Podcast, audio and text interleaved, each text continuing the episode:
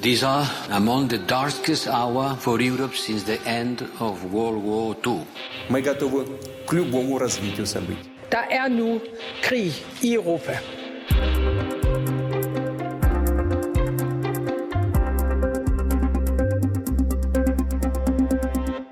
Ukrainske hovedstad Kiev er lige nu under angreb fra Rusland. Der er ifølge den ukrainske præsident Zelensky blevet udført russiske missilangreb mod hovedstaden, hvor man også har kunne høre flere eksplosioner.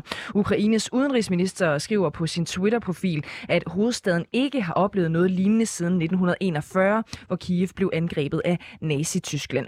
Du lytter til Krig i Europa, hvor vi giver dig seneste nyt fra Ukraine, og vi prøver at blive klogere på invasionen og se nærmere på truslen om blandt andet cyber cyberangreb, som kan nå helt til Danmark. Mit navn det er Cecilie Lange. Og jeg hedder Alexander Vils Lorentzen.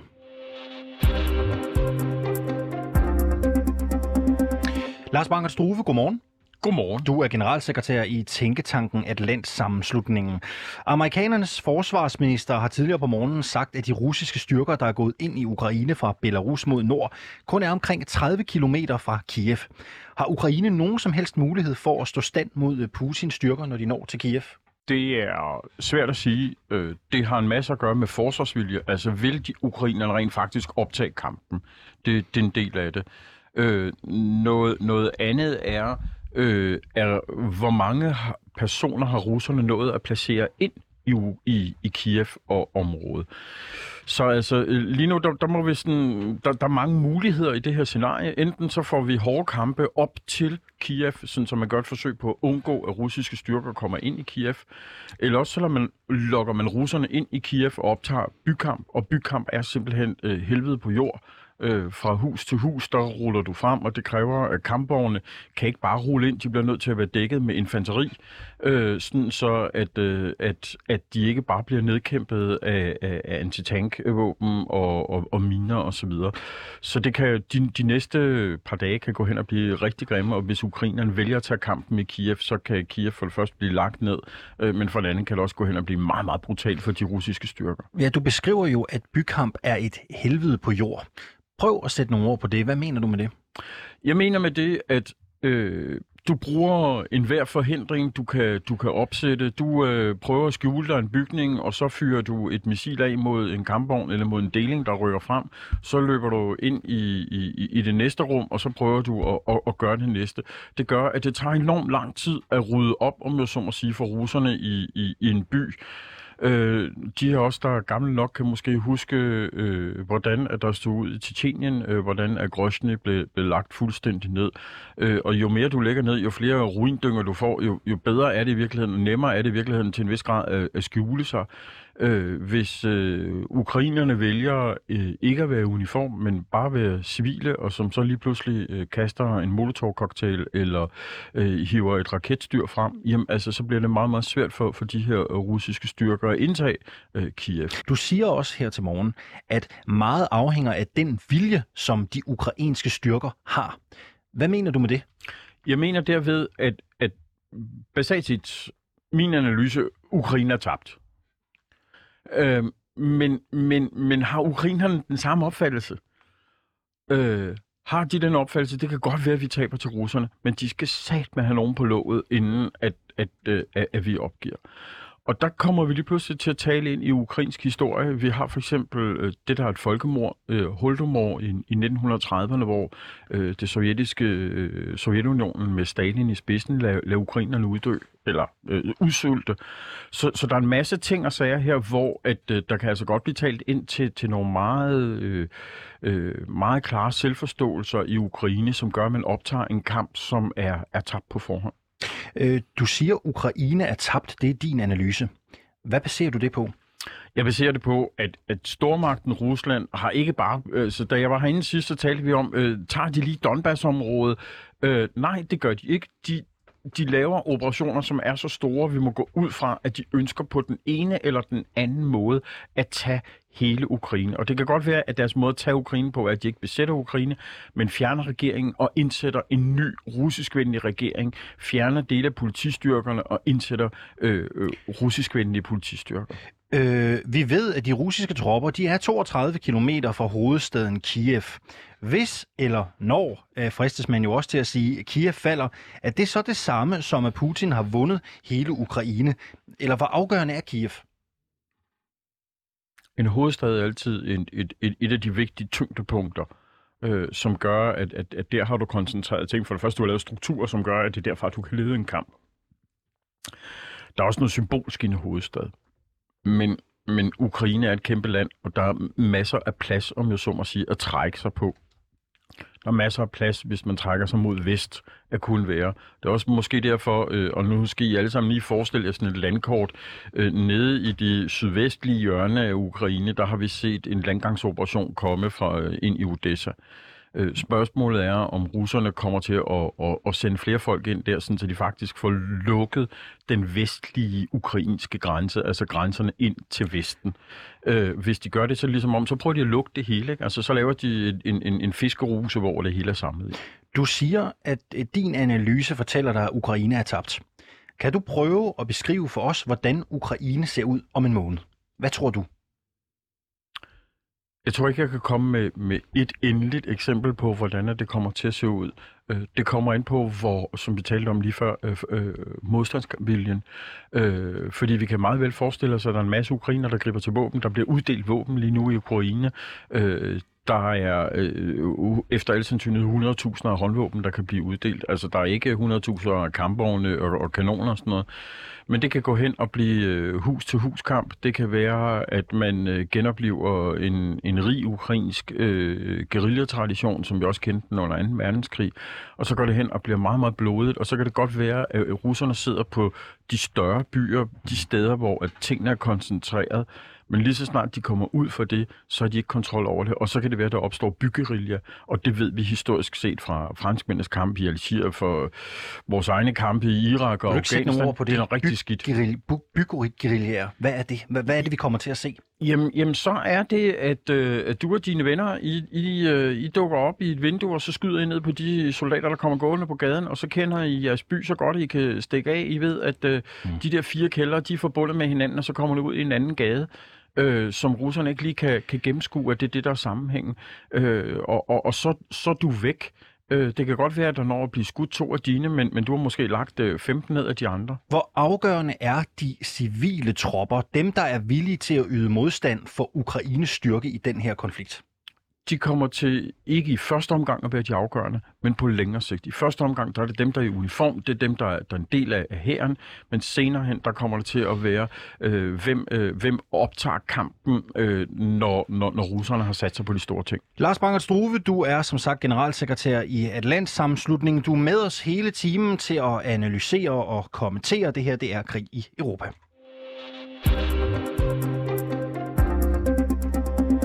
Og nu skal vi til den ukrainske hovedstad Kiev, hvor der er sket enormt meget det seneste døgn, og i særdeleshed de seneste timer. Flere eksplosioner har fundet sted i Kiev, ligesom der har været en mindre brand ved øh, regeringsbygningen, og flere helikopter har kredset over øh, hovedstaden. Simon Kruse, global korrespondent hos øh, Berlingske. Velkommen til. Tak. vi har jo hørt amerikanerne sige, at de russiske styrker skulle være omkring 30 km fra Kiev. Har du nogen fornemmelse af, hvor tæt de er på lige nu? Nej, vi har i hvert fald fornemmelse af, at, de har, at der har været øh, luftangreb her i løbet af natten, som så er blevet afværget af, af ukrainsk raketforsvar, så der har jo været en masse øh, højlytte brag hele morgenen og, og, og formiddagen nu her. Øh, det kan jo være, at jeg snart er nødt til at afbryde her. Jeg skal ind i en bil om lidt.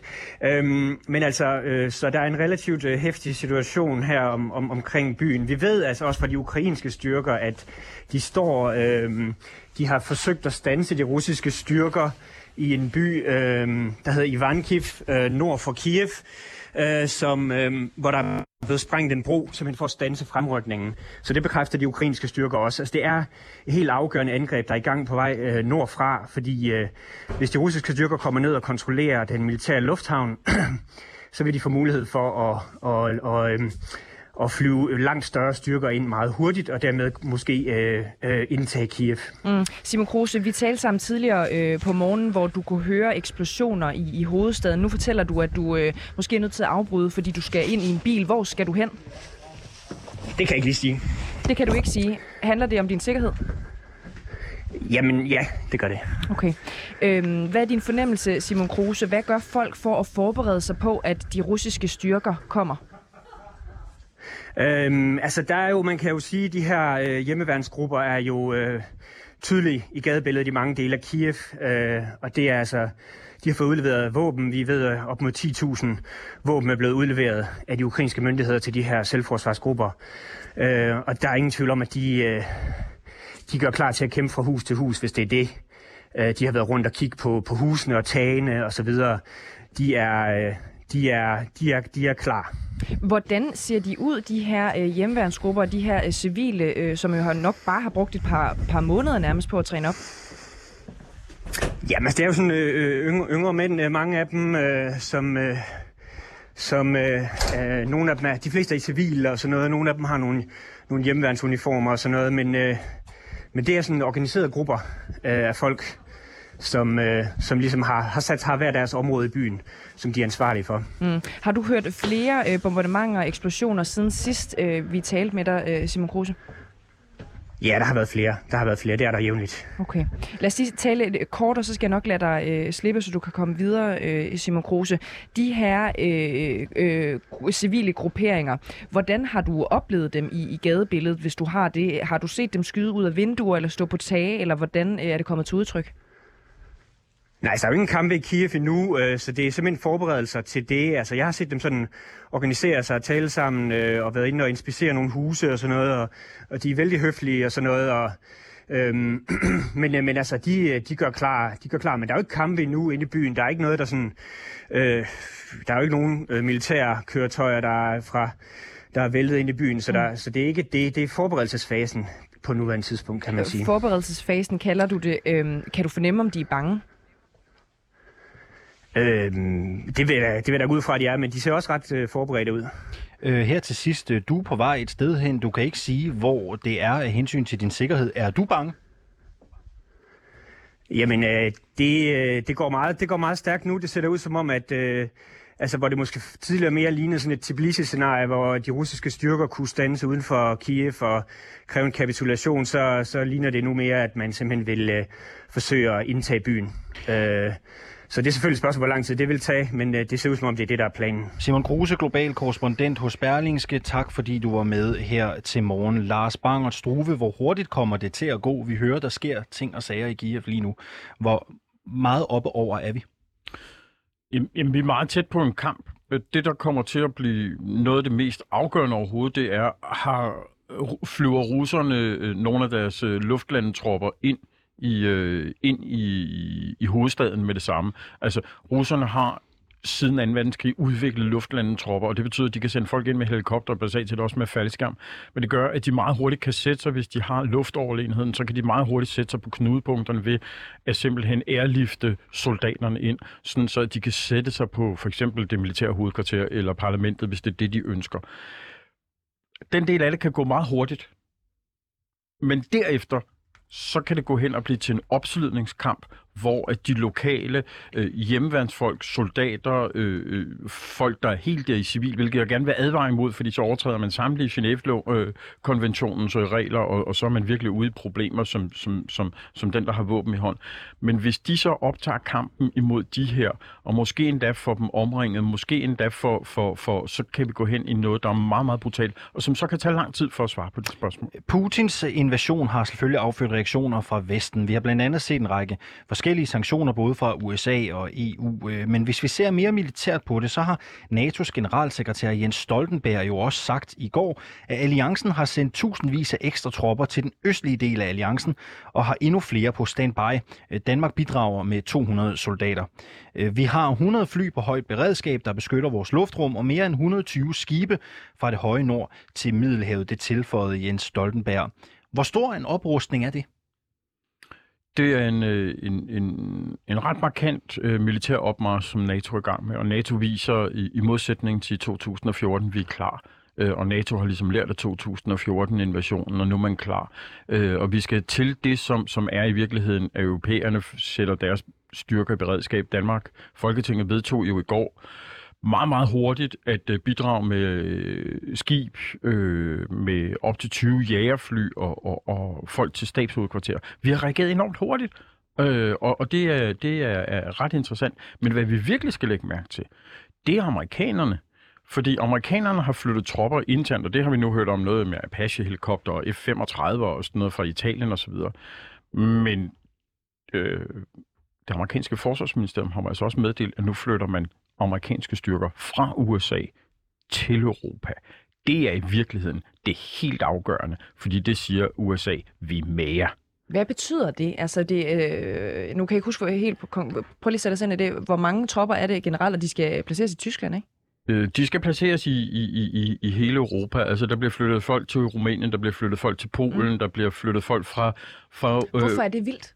Fordi at det viser amerikanerne, i modsætning til under Trump, Altså, så siger de nu, vi er klar, vi er en del af NATO, America is back, mm. som, som, som, som øh, Biden sagde, øh, og at de rent faktisk nu øh, forstærker Europa. Det er et meget, meget klart signal, som Kreml vil forstå, og som Kreml vil være bekymret over, fordi det gør, at vi kommer op i et beredskab, som er helt anderledes. Og du siger også, at vi har lært af øh, Krim tilbage i 2014, men hvad har vi egentlig lært? Fordi Krim var jo heller ikke dengang en del af NATO-samarbejdet, øh, øh og heller ikke dengang var vi jo i, det er så et fortolkningsspørgsmål, men i nærheden af at være, at være troet som øh, øh NATO-medlemsland. Hvad har vi egentlig lært? Jamen, vi har lært af, at vi bliver nødt til at reagere meget hurtigere på Putin. Mm. Øh, at Putin ikke, vil, ikke øh, kan eller vil forhandle, øh, og at vi derfor bliver nødt til at gardere os selv. Øh, og vi så i går, der sad jeg i, i TV2-studiet, og, og lige pludselig så fik jeg øh, mails og sms'er ind om, at øh, der er et tyrkisk skib, der er blevet ramt. Okay. Og det var rigtigt. Det viser sig at være et tyrkisk civilskib. Der var ikke nogen, der kom til skade. Men havde det der nu for eksempel været et tyrkisk militærskib, eller der var døde tyrkere, så havde denne her krise lige pludselig ikke været en inddæmmet krise i Ukraine, der ikke er medlem i NATO, men så havde det været en krise, hvor russerne havde angrebet et NATO-land. Lad mig bare lige forstå, var det russerne, som stod bag? Til synligheden er det en russisk bombe, der har ramt et civilt tyrkisk skib i går. Hvorfor har og nu det siger jeg ikke... til sydenladen, ja. ikke? Fordi, fordi at, at, Sådan er det tit i det. Ja, det er lige præcis. Ikke? Øhm, Hvorfor er det afgørende, at det ikke var et militært skib, og at det var et civilt skib? Det er afgørende, at, at, at der ikke er nogen, der døde, og at, at det var et civilt skib, fordi havde det været øh, et, et militærskib, så øh, har de fleste lande øh, de regler, at, at så må deres enheder optage kampen med det samme. I Danmark har vi det, der hedder den kongelige forholdsordre, som går ud på at for at undgå 9. april 1940, hvor vi jo blev besat af tyskerne, hvor der var usikkerhed blandt danske styrker, hvor vi begynder at kæmpe øh, osv., så, så har vi i Danmark den kongelige forholdsordre, som siger, hvis man bliver ramt af et angreb, så skal man svare igen med ja. det samme. Det betyder, hvis det der havde været tyrkisk militært fartøj, så hvis de har nogenlunde den samme regel, jeg ved ikke, hvad den hedder på tyrkisk, men de har nogenlunde den samme regel, så kunne de have optaget kampen, og så havde det været et forsvar fra tyrkisk side. Det kan direkte aktivere NATO's artikel 5, musketeriden, og så havde vi altså øh, ved et uheld snublet ind i en europæisk storkrig. Hvad tænkte du, da du læste den der mail i går, da du sad i TV2? Jeg, var, jeg, jeg blev rigtig, rigtig meget bekymret, mm. og, og mest af alt så tænkte jeg på min søn.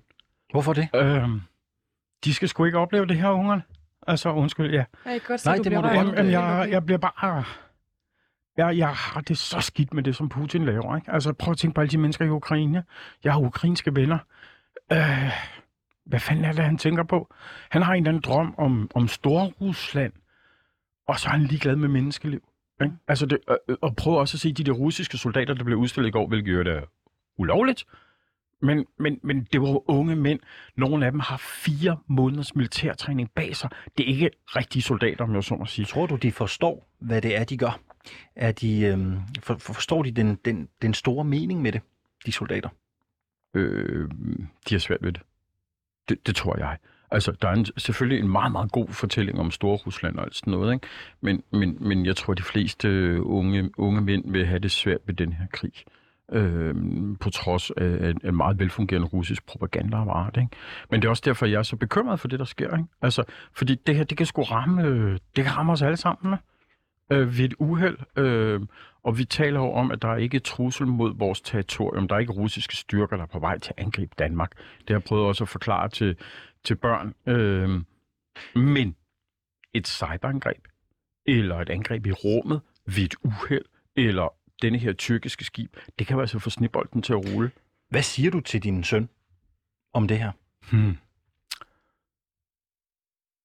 Pas på. Og NATO er der.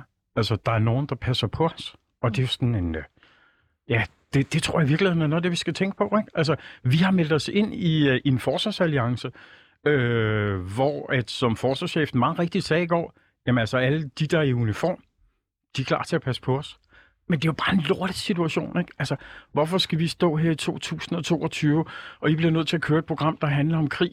Øh, non-stop, og det er ikke et historisk program, som jeg vil nyde at stå og, og tale om, øh, hvordan tingene har været, og hvad vi kan lære af det. Men vi står live og hører om øh, journalister, der ikke tør fortælle, hvor de er, og hvordan at de er på vej væk. Øh, jeg er jo rigtig bekymret for alle de danske journalister, øh, der, der er i Ukraine. Altså, øh, nogle af dem har ikke længere køretøjer, så de kan komme væk. Nogle af dem har ikke længere penge, så de kan komme ud. Ikke? Altså, det, det der, det kan også gå galt for dem.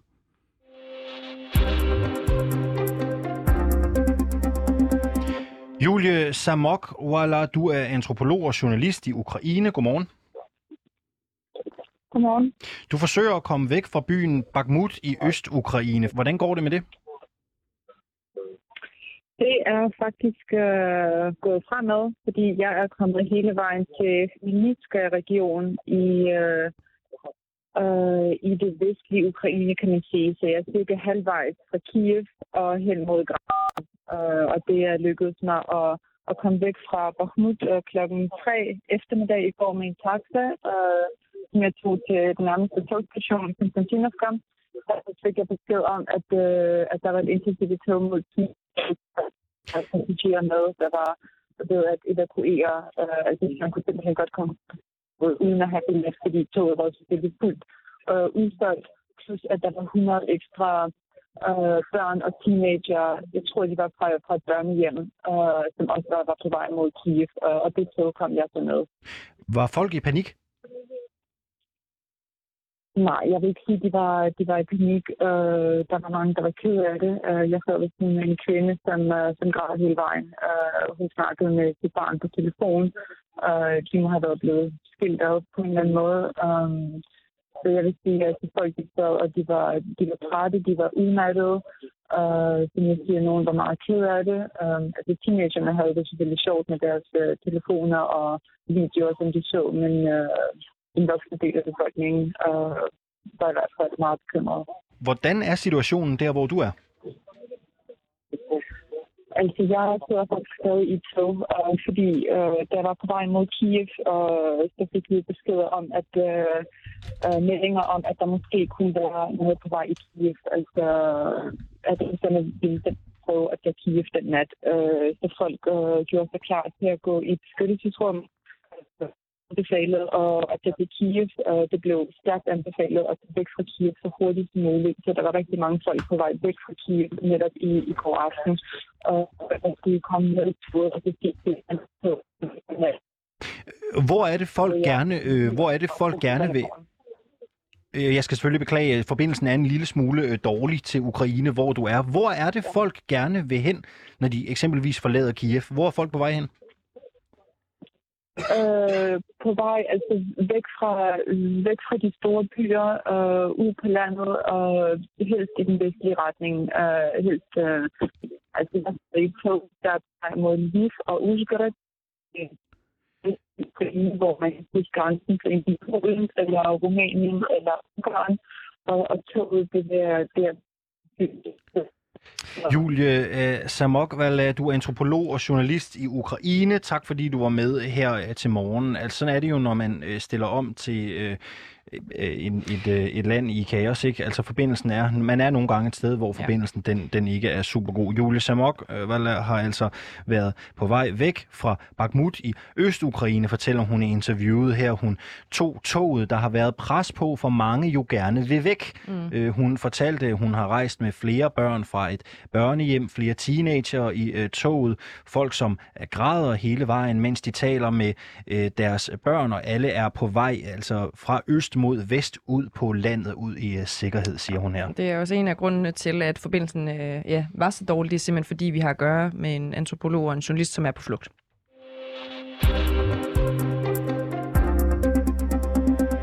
Nu har vi fået et par rapporter direkte fra Ukraine, men det kan øh, generelt være en lille smule svært at holde overblikket over den her russiske invasion, hvor Rusland jo invaderer fra flere øh, fronter, øh, as we speak. Derfor følger mange med på de sociale medier, hvor en gruppe mennesker indsamler og deler open source intelligence, også kaldet OSINT, altså efterretninger fra åbne kilder. Velkommen til programmet, Christian Ranum Spor.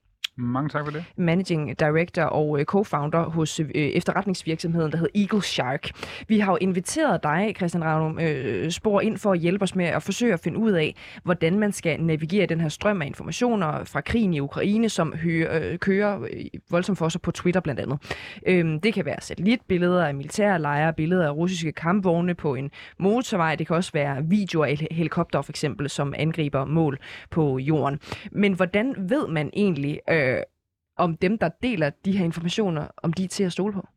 Jamen det ved du som, øh, som grundregel heller ikke. Øh, der har du lidt, øh, lidt hjemmearbejde, ligesom øh, enhver anden journalist har, når de skal skrive en artikel, så er der noget, der hedder kildekritik, og, øh, og det er jo det, man bliver nødt til så, som, øh, som, som øh, selvlært Ocean-mand, prøve at finde ud af, hvordan gør vi det. Mm. Øhm, vi har også bedt dig om at se lidt nærmere på en række af de her OSINT-profiler på Twitter, øh, for at se, hvad de deler, og så vurdere deres troværdighed sammen med os.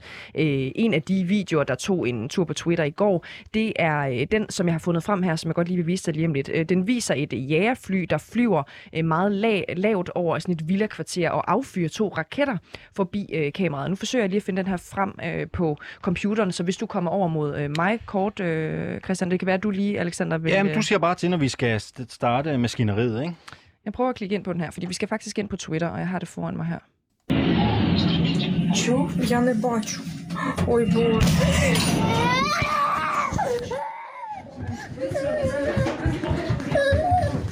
Ігор!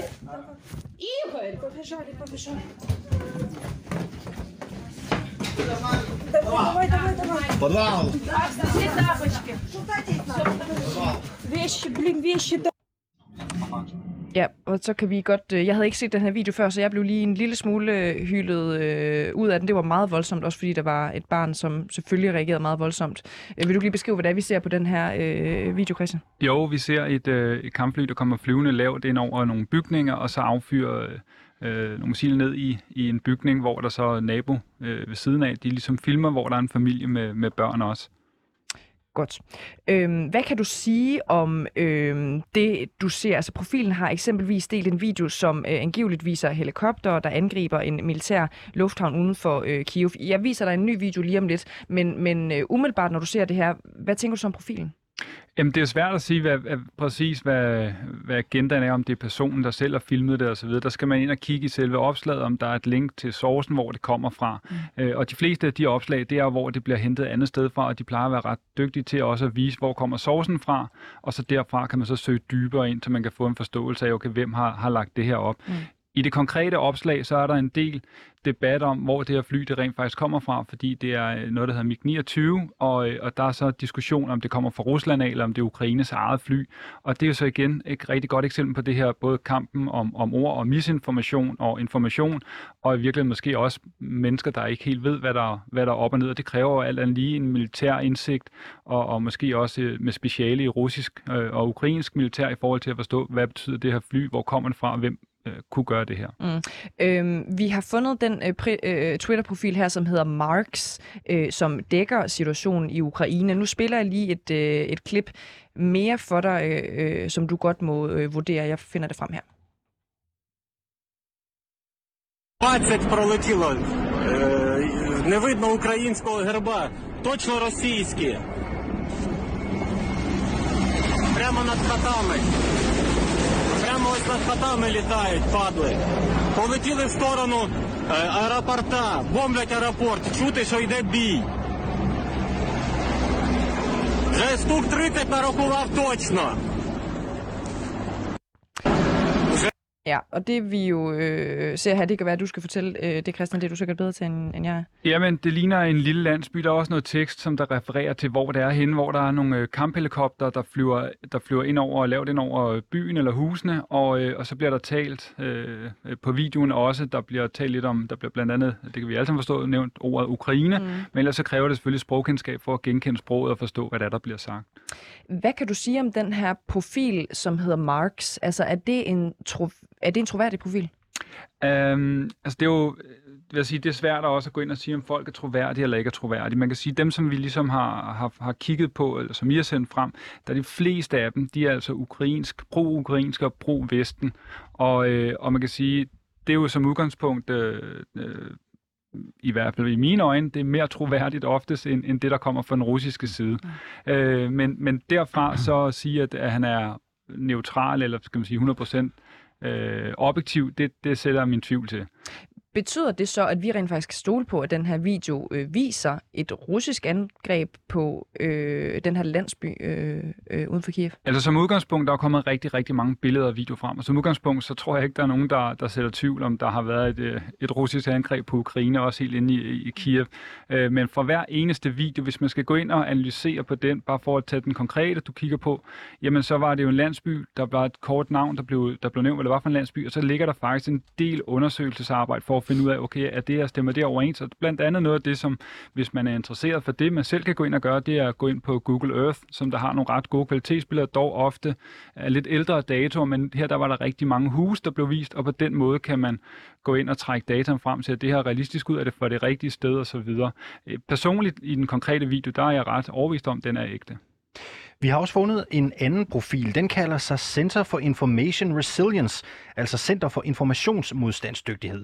Mm. Det er også en profil, der følger situationen i Ukraine tæt.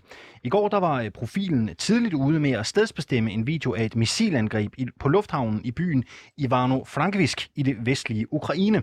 Øh, lad os lige prøve at høre videoen her, Cecilie.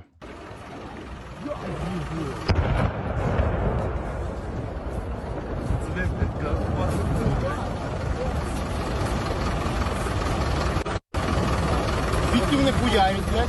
Звідки? Попало, що ми зробимо канал. Що, знаєте, просто люди літали, літали цілий ранок сонку з того. Оце нахуй, я його потірка Ja, altså en øh, profil, som kalder sig Center for Informationsmodstandsdygtighed. Prøv lige at beskrive øh, videoen her, øh, Spor. Hvad er det, vi ser? Jamen, vi ser, at der går nogle mennesker, der bliver filmet, og så udover øh, det her, så filmer de en bygning, hvor jeg tror, der var brand i den forvejen, synes jeg så. Men så kommer der et missil op fra luften af og øh, rammer ned i, øh, i bygningen lidt fjernere væk.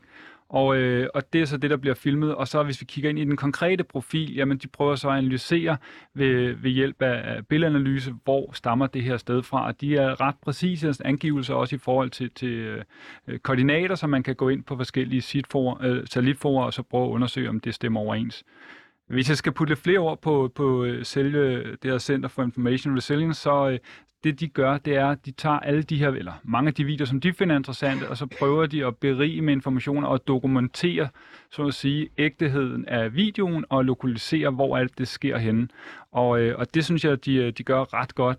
Øh, og man kan sige, det er mere den tekniske del af OSIN. De indsamler en masse information. De, det er ikke selv dem, der er ude at filme, men de går ind og analyserer på det, og så, og så skaber dokumentation for det. Igen skal vi dog være opmærksom på, det er en vestlig orienteret øh, side, så de har jo selvfølgelig også en agenda med at få en historie ud. Ja, så lad os spørge, kunne vi her på programmet have taget den her Twitter-profils ord for gode varer i går morges og bragt historien om, at et russisk krydsermissil har ramt øh, den pågældende lufthavn samme dag? Jeg vil sige, at man øh, ved selvsyn, Øh, hvis man prøver at bruge fem minutter på, hvad jeg har gjort på den her video, så kan man i hvert fald øh, med Google Earth, som de fleste mennesker har adgang til, se, at det, som de præsenterer med nogle billeder af et rødt hus i baggrunden, der er også en svalegang, og det kan man i hvert fald se på, på Google. Øh, og derfor vil jeg sige, at der var overvejende stor sandsynlighed for, at det var ægte. De her open source profiler, de dækker ikke kun konflikten, de er faktisk også blevet en del af konflikten, fordi det sociale medie Twitter erkender, at de uberettiget har suspenderet en række brugere, som har afdækket, hvordan Rusland de seneste uger er rykket tættere på Ukraine. Det drejer sig mere specifikt om open source reportere, som angiveligt er blevet masseanmeldt af Twitter-konti i sådan en grad, at Twitter har lukket informationskanalerne ned, det rapporterer Financial Times. Og de, der har fået sine konti lukket ned, de mener jo, at der er tale om et russisk organiseret bot-angreb. John Foley, godmorgen og velkommen til dig. Ja, godmorgen. Du er øh, pensioneret major og ekspert i IT og cybersikkerhed. Hvordan er det i Ruslands interesse at lukke for open source reportere? Jamen, øh, det kommer jo så, sådan set an på, at det skal understøtte hele, skal vi sige, den hybride krig og krigsførelse. Og det er jo gået op for de fleste her øh, den sidste uges tid fra, hvor vi mødtes sidst, at øh, øh sådan en krig er, er jo andet og mere e-, end blot øh, krudt og kugler. Det er jo sådan noget som informationskrig, øh, økonomisk krig, øh, påvirkningskampagner og øh, anden øh, ting, cyberangreb osv. videre. Øhm, Twitter de siger selv til Financial Times, at der ikke er nogen beviser for, at der er tale om en koordineret botkampagne. Samtidig så taler vi om et, et dusintals konti, som fik lukket deres øh, konto på samme tidspunkt. Øh, lad os lige prøve at vende tilbage til dig, øh, Christian Ranum Spor. Du er som sagt Managing Director og Co-founder hos efterretningsvirksomheden Eagle Shark. Øh, på den ene side, der kan open source rapportering bruges til at dele information om militære aktiviteter i området. På den anden side, så risikerer man, at open source profiler kan sprede forkert information. Er det ikke godt, at Twitter handler resolut ved at lukke ned, når øh, mange konti anmelderen bruger? Jo, det synes jeg som udgangspunkt, og jeg vil også sige, at det, det er jo kendt øh, uh, Moderantus i, i, i, har egentlig altid været det i forhold til at prøve at få, få ret eller skabe inform, misinformation, eller få i hvert fald få sandheden på sin side. Så, så det er jo kendt uh, doktrin mange, mange, mange, mange år tilbage i tiden. Øh, og derfor synes jeg også, det har også været det samme, hvis det var almindelige nyhedsmedier, som der ligesom delte nogle historier. Forskellen er dog her, at der er der jo ikke et professionelt hold bag, hvor de har nogle, nogle rammer, de bliver nødt til at validere den her kildekritik. Øh, det går selvfølgelig også nogle gange galt ved almindelige journalister, at man kommer til at bringe en usandt øh, historie. Men jeg synes sådan set, det er fint, de handler, og hvis vi skal prøve at trække nogle parallelle tråde til det, så har øh, blandt andet Facebook været under hårdt angreb, øh, fordi de ikke har gjort det tidligere, blandt andet under en amerikansk valg. Så, så det synes jeg, vi skal, men det er også en svaghed. Øh, ved du noget om nogle af de profiler, som er blevet lukket? Nej, ikke, ikke konkret. Det gør jeg ikke. Jeg er ikke vendt og kigge ind på dem, men altså det, som jeg, øh, eller nærmest det, men det, som jeg ser til dem, det er, de er vestligt orienteret igen, og derfor synes jeg, det giver øh, god mistanke i hvert fald, at der godt kunne være en, en øh, motivation for, at der er nogen, der gerne vil lukke ned, for at der ikke kommer informationer ud, som, som den ene part ikke ønsker skal komme ud. Christian øh, Ranum Spor, du er som sagt Managing Director og Co-founder hos Eagle Shark. Øh, tak fordi du var med her øh, til morgen. John Foley, du bliver hængende øh, lidt endnu. Vi skal tale mere med dig lige om øh, lidt.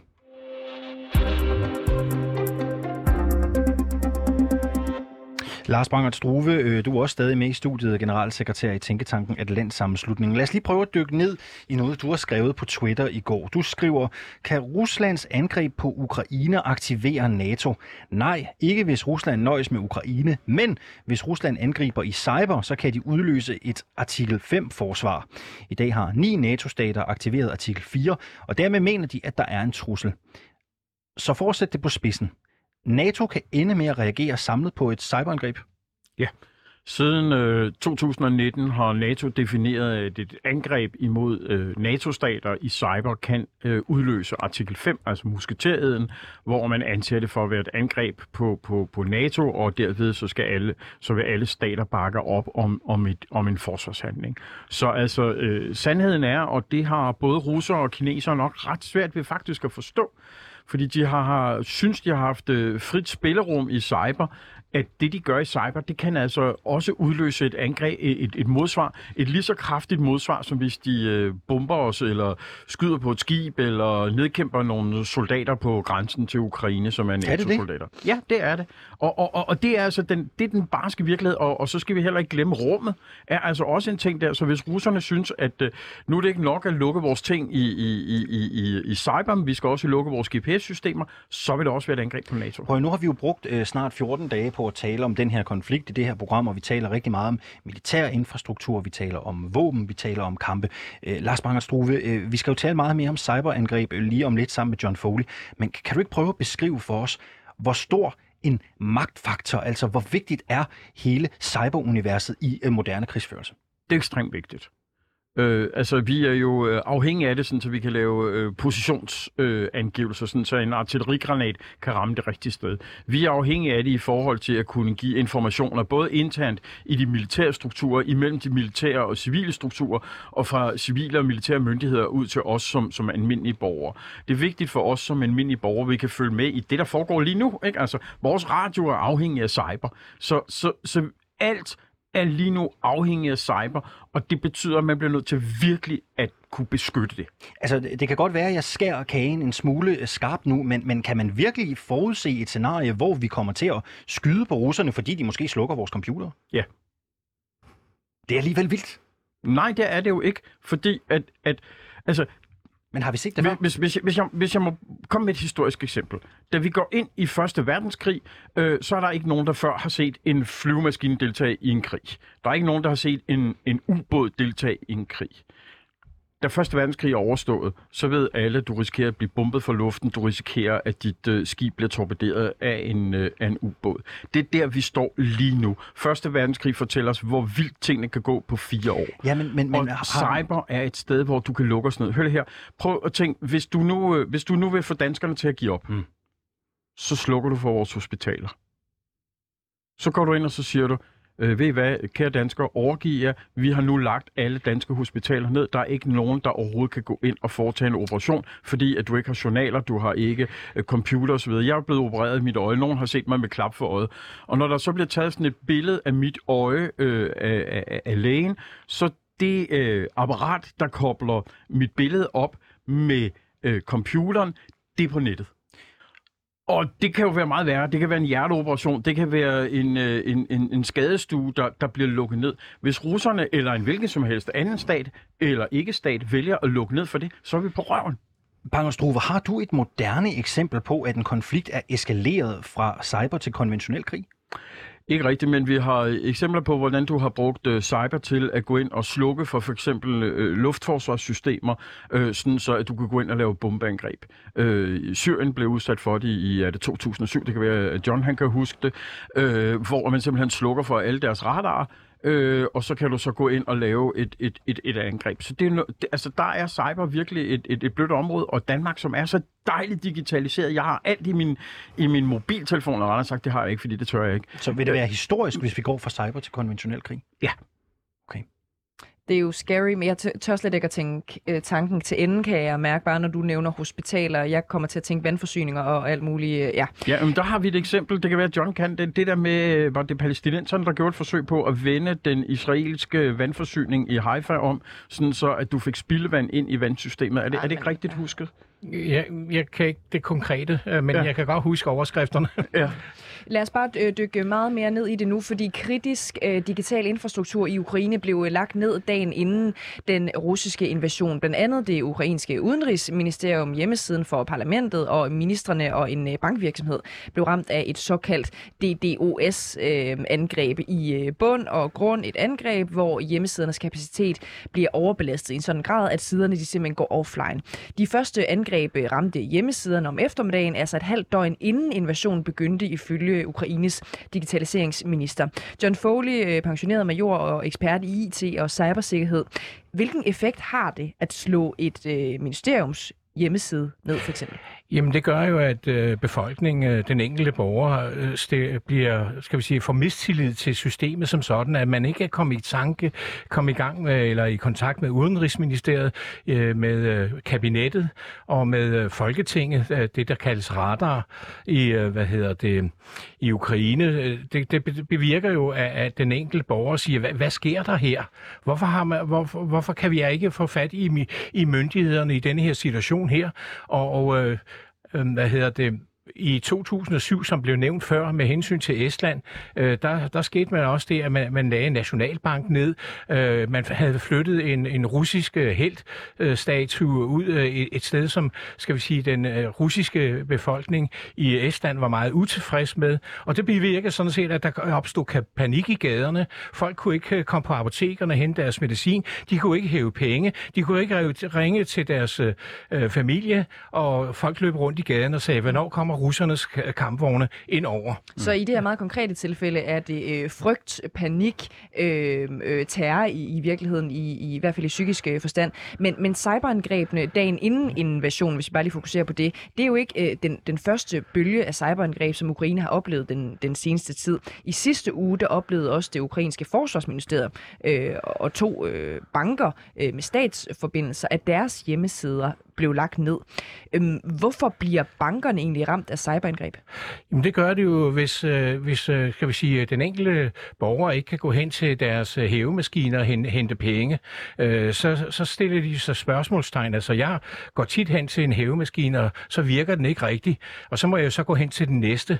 Men øh, hvis, man, øh, hvis det heller ikke hjælper, så øh, stiller det jo også spørgsmålstegn hos den enkelte og siger, hvad har, hvad har der gang i? Har vores, øh, har vores øh, hvad hedder det, politikere, har vores beslutningstager, har, har de fat i det her, eller, eller, eller, eller begynder det hele at flyde? Og hvor står vi egentlig? Og det er så en del af hele, skal vi sige, formålet med den hybride krigsførelse, det er at øh, gøde vandene for, at, øh, skal vi sige, øh, at øh, for eksempel Putin kan sætte en, en lydstat ind, kan sætte folk ind øh, i, i stedet for dem, der sidder der, og så skal vi sige, ligesom øh, ændre øh, holdningen hos befolkningen til, at det, det nytter jo ikke noget, det her. Mm. Øh, I kan lige så godt øh, opgive først øh, Ja. som sidst. Og det er jo måske også vigtigt at nævne i den her øh, forbindelse, vi kan alle sammen tænke øh, vores, men på nuværende tidspunkt, så er der faktisk ikke nogen beviser for, at det er den russiske regering, som har koordineret de her øh, cyberangreb, hverken i sidste uge eller i den her uge, men ifølge det amerikanske militær, så er der ikke så meget tvivl om, at, at den her slags angreb, det er en del af den russiske øh, drejebog. Så jeg vil egentlig godt have et bud fra, fra jer begge to. Øhm, hvilken rolle spiller cyberangreb i, i, i krig anno 2022? Vi kan jo starte hos dig, øh, Lars Banger. Det er meget, meget afgørende. Men jeg, jeg synes, vi skal lige have en detalje med. Ja. Det er hjemmesider, der er blevet lagt ned. Så vidt hvad jeg kan forstå på mine kilder i Ukraine, så er det ikke lykkedes at få lagt selve kommunikationen ned. Og ukrainerne er faktisk en af af de stærkeste stater på det her område. Det lykkedes faktisk nogen at lægge Kremls hjemmeside ned i går. Øh, jeg skulle ind og have fat i en, en Putin-tale derinde, og det kunne jeg ikke, fordi at Kremls hjemmeside var blevet lagt ned. Ikke? Så, så, så, så, så denne her, den går altså begge veje lige nu, og spørgsmålet er, hvor dybt kan du ramme ind? Og sådan som jeg kan se det, så har ukrainerne meget hurtigt kommet op igen. Øh, Der er danske virksomheder, som, der er danske IT-virksomheder i Ukraine, som, som, som roser deres folk til skyerne for at være sindssygt dygtige mm. til det her. Så, så, så det er måske et af de få steder, hvor ukrainerne ikke er den svage part. Mm. Ukrainerne er øh, stærke på det her. Vi havde Mogens Jensen i, i studiet øh, for, for kort tid øh, siden, da vi sendte rapporterne her på, øh, på kanalen, vores morgenprogram. Øh, han siger til os, øh, Alexander, fordi vi spørger selvfølgelig ind til, hvad danskerne egentlig kan hjælpe med i den her kontekst. Han siger, at noget af det, vi kan hjælpe med, det er for eksempel... Øh, cyber øh, angreb, at vi har stor ekspertise her i Danmark, som vi vil kunne stille til rådighed eventuelt for øh, Ukraine. Øhm, køber du den, øh, folie? Nej, det stiller jeg mig meget tvivlende over for. Det vil jeg så uddybe lige om lidt, men øh, det vi skal tænke på i øjeblikket, den situation vi er i, det er, at nu øh, iværksætter man nogle sanktioner over for Rusland. Og hvordan vil de modtage det? De vil selvfølgelig øh, tænke på at lave modsanktioner af den ene eller anden slags. Og der er cyber jo helt klart et element, man kan bruge i, i den sammenhæng her. Og der må man sige, at Danmark er jo blevet en frontlinjestat, hvad, hvad, hvad det her angår. Vi bliver jo, skal vi sige, opsamlingsområde for amerikanerne og for NATO-styrke for at gå ind og, og støtte vores øh, venner og, og NATO-folk i, i, i de baltiske lande. Så, så, så der er, er der, skal vi sige, et potentiale for, at, at vi skal nok regne med, at, at vi bliver angrebet øh, på, på cyberfronten. Men du har jo ret i, når du siger, hvordan kan man attribuere, hvordan kan man finde ud af, hvem der egentlig gør det her. Og det, det er sådan set noget af det sværeste. Mm. Men det, det er jo både en fordel og en ulempe. Ikke? Hvis, du ikke, hvis du ikke rigtig kan finde ud af, hvem der gør det, så kan man jo godt, skal vi sige, få ikke statslige aktører til på statens, statens vegne at gå ind og gøre disse ting her. Men for lige at vende tilbage til det der med, med, med, med, med, med Mogens Jensen, der jo er ny øh, forsvarsordfører. Øh, jeg, vil, jeg, nok, jeg vil tilskrive det, at han måske ikke helt har sat sig ind i tingene, øh, som de egentlig er. For øh, det er rigtigt nok, at vi har noget, der hedder Center for Cybersikkerhed. Men øh, Ukraine, øh, er, skal vi sige, cybermæssigt, er jo øh, virkelig på forkant. Øh, det, det, skal man, det skal man slet ikke øh, kimse af. Og, og, og jeg er ikke, slet ikke sikker på, at de to-tre mand, som man snakker om at sende afsted, man har jo ikke sendt dem afsted endnu, øh, er ned til at støtte øh, ukrainerne, at de vil øh, batte andet end som, som øh, skal vi sige, en snibbold i helvede. Hvad er det, han kan mene, øh, forsvarsordførerne, de kan hjælpe med? Hvad er det for en ekspertise, han konkret kan tale om? Jamen, han, han tror vel, der er nogle rådgiver, øh, som man har i Center for Cybersikkerhed, man kan sende ned til, til øh, disse mennesker nede i Ukraine, og så indgå i en slags øh, dialog om, øh, hvordan og hvorledes. Men, men der er jo sagt, at det ukrainerne har sagt, det er ikke det, vi har brug for. Vi har brug for hardware. Vi har brug for, for, for, for ting, der kan gøre, at, at vi kan modstå de angreb. Øh, behold jeres egne cybereksperter derhjemme.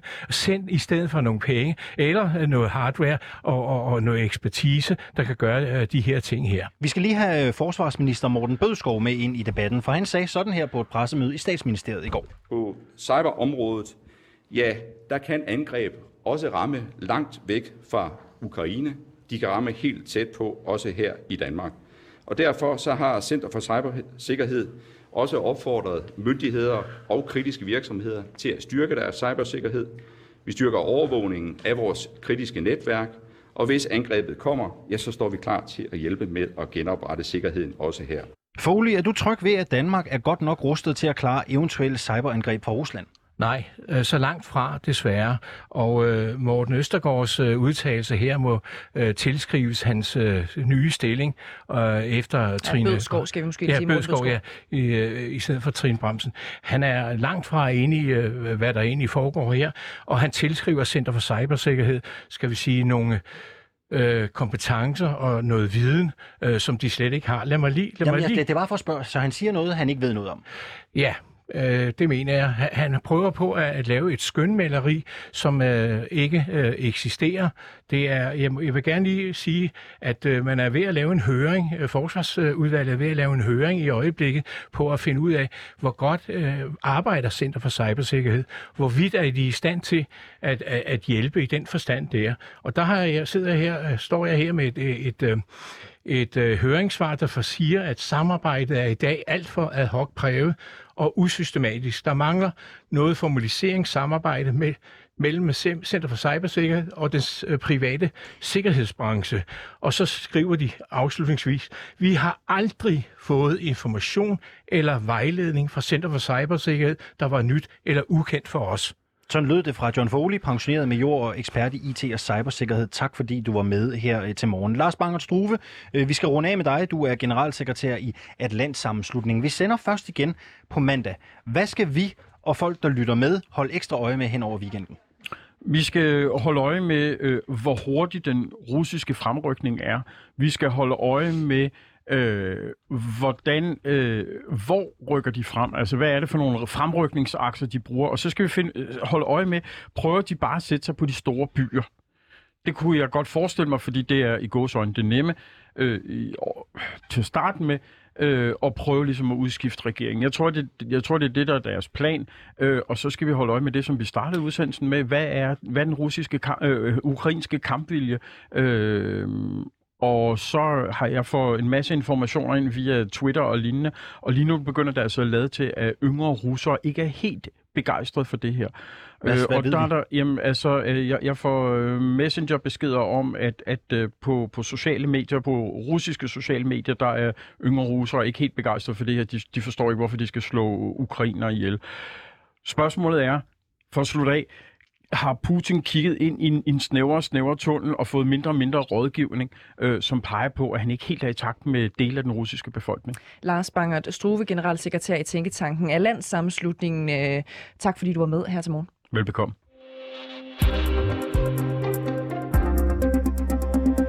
Der er demonstrationer i Rusland mod krigen, får jeg også øh, visket i mine ører. Lige nu 700 er blevet anholdt.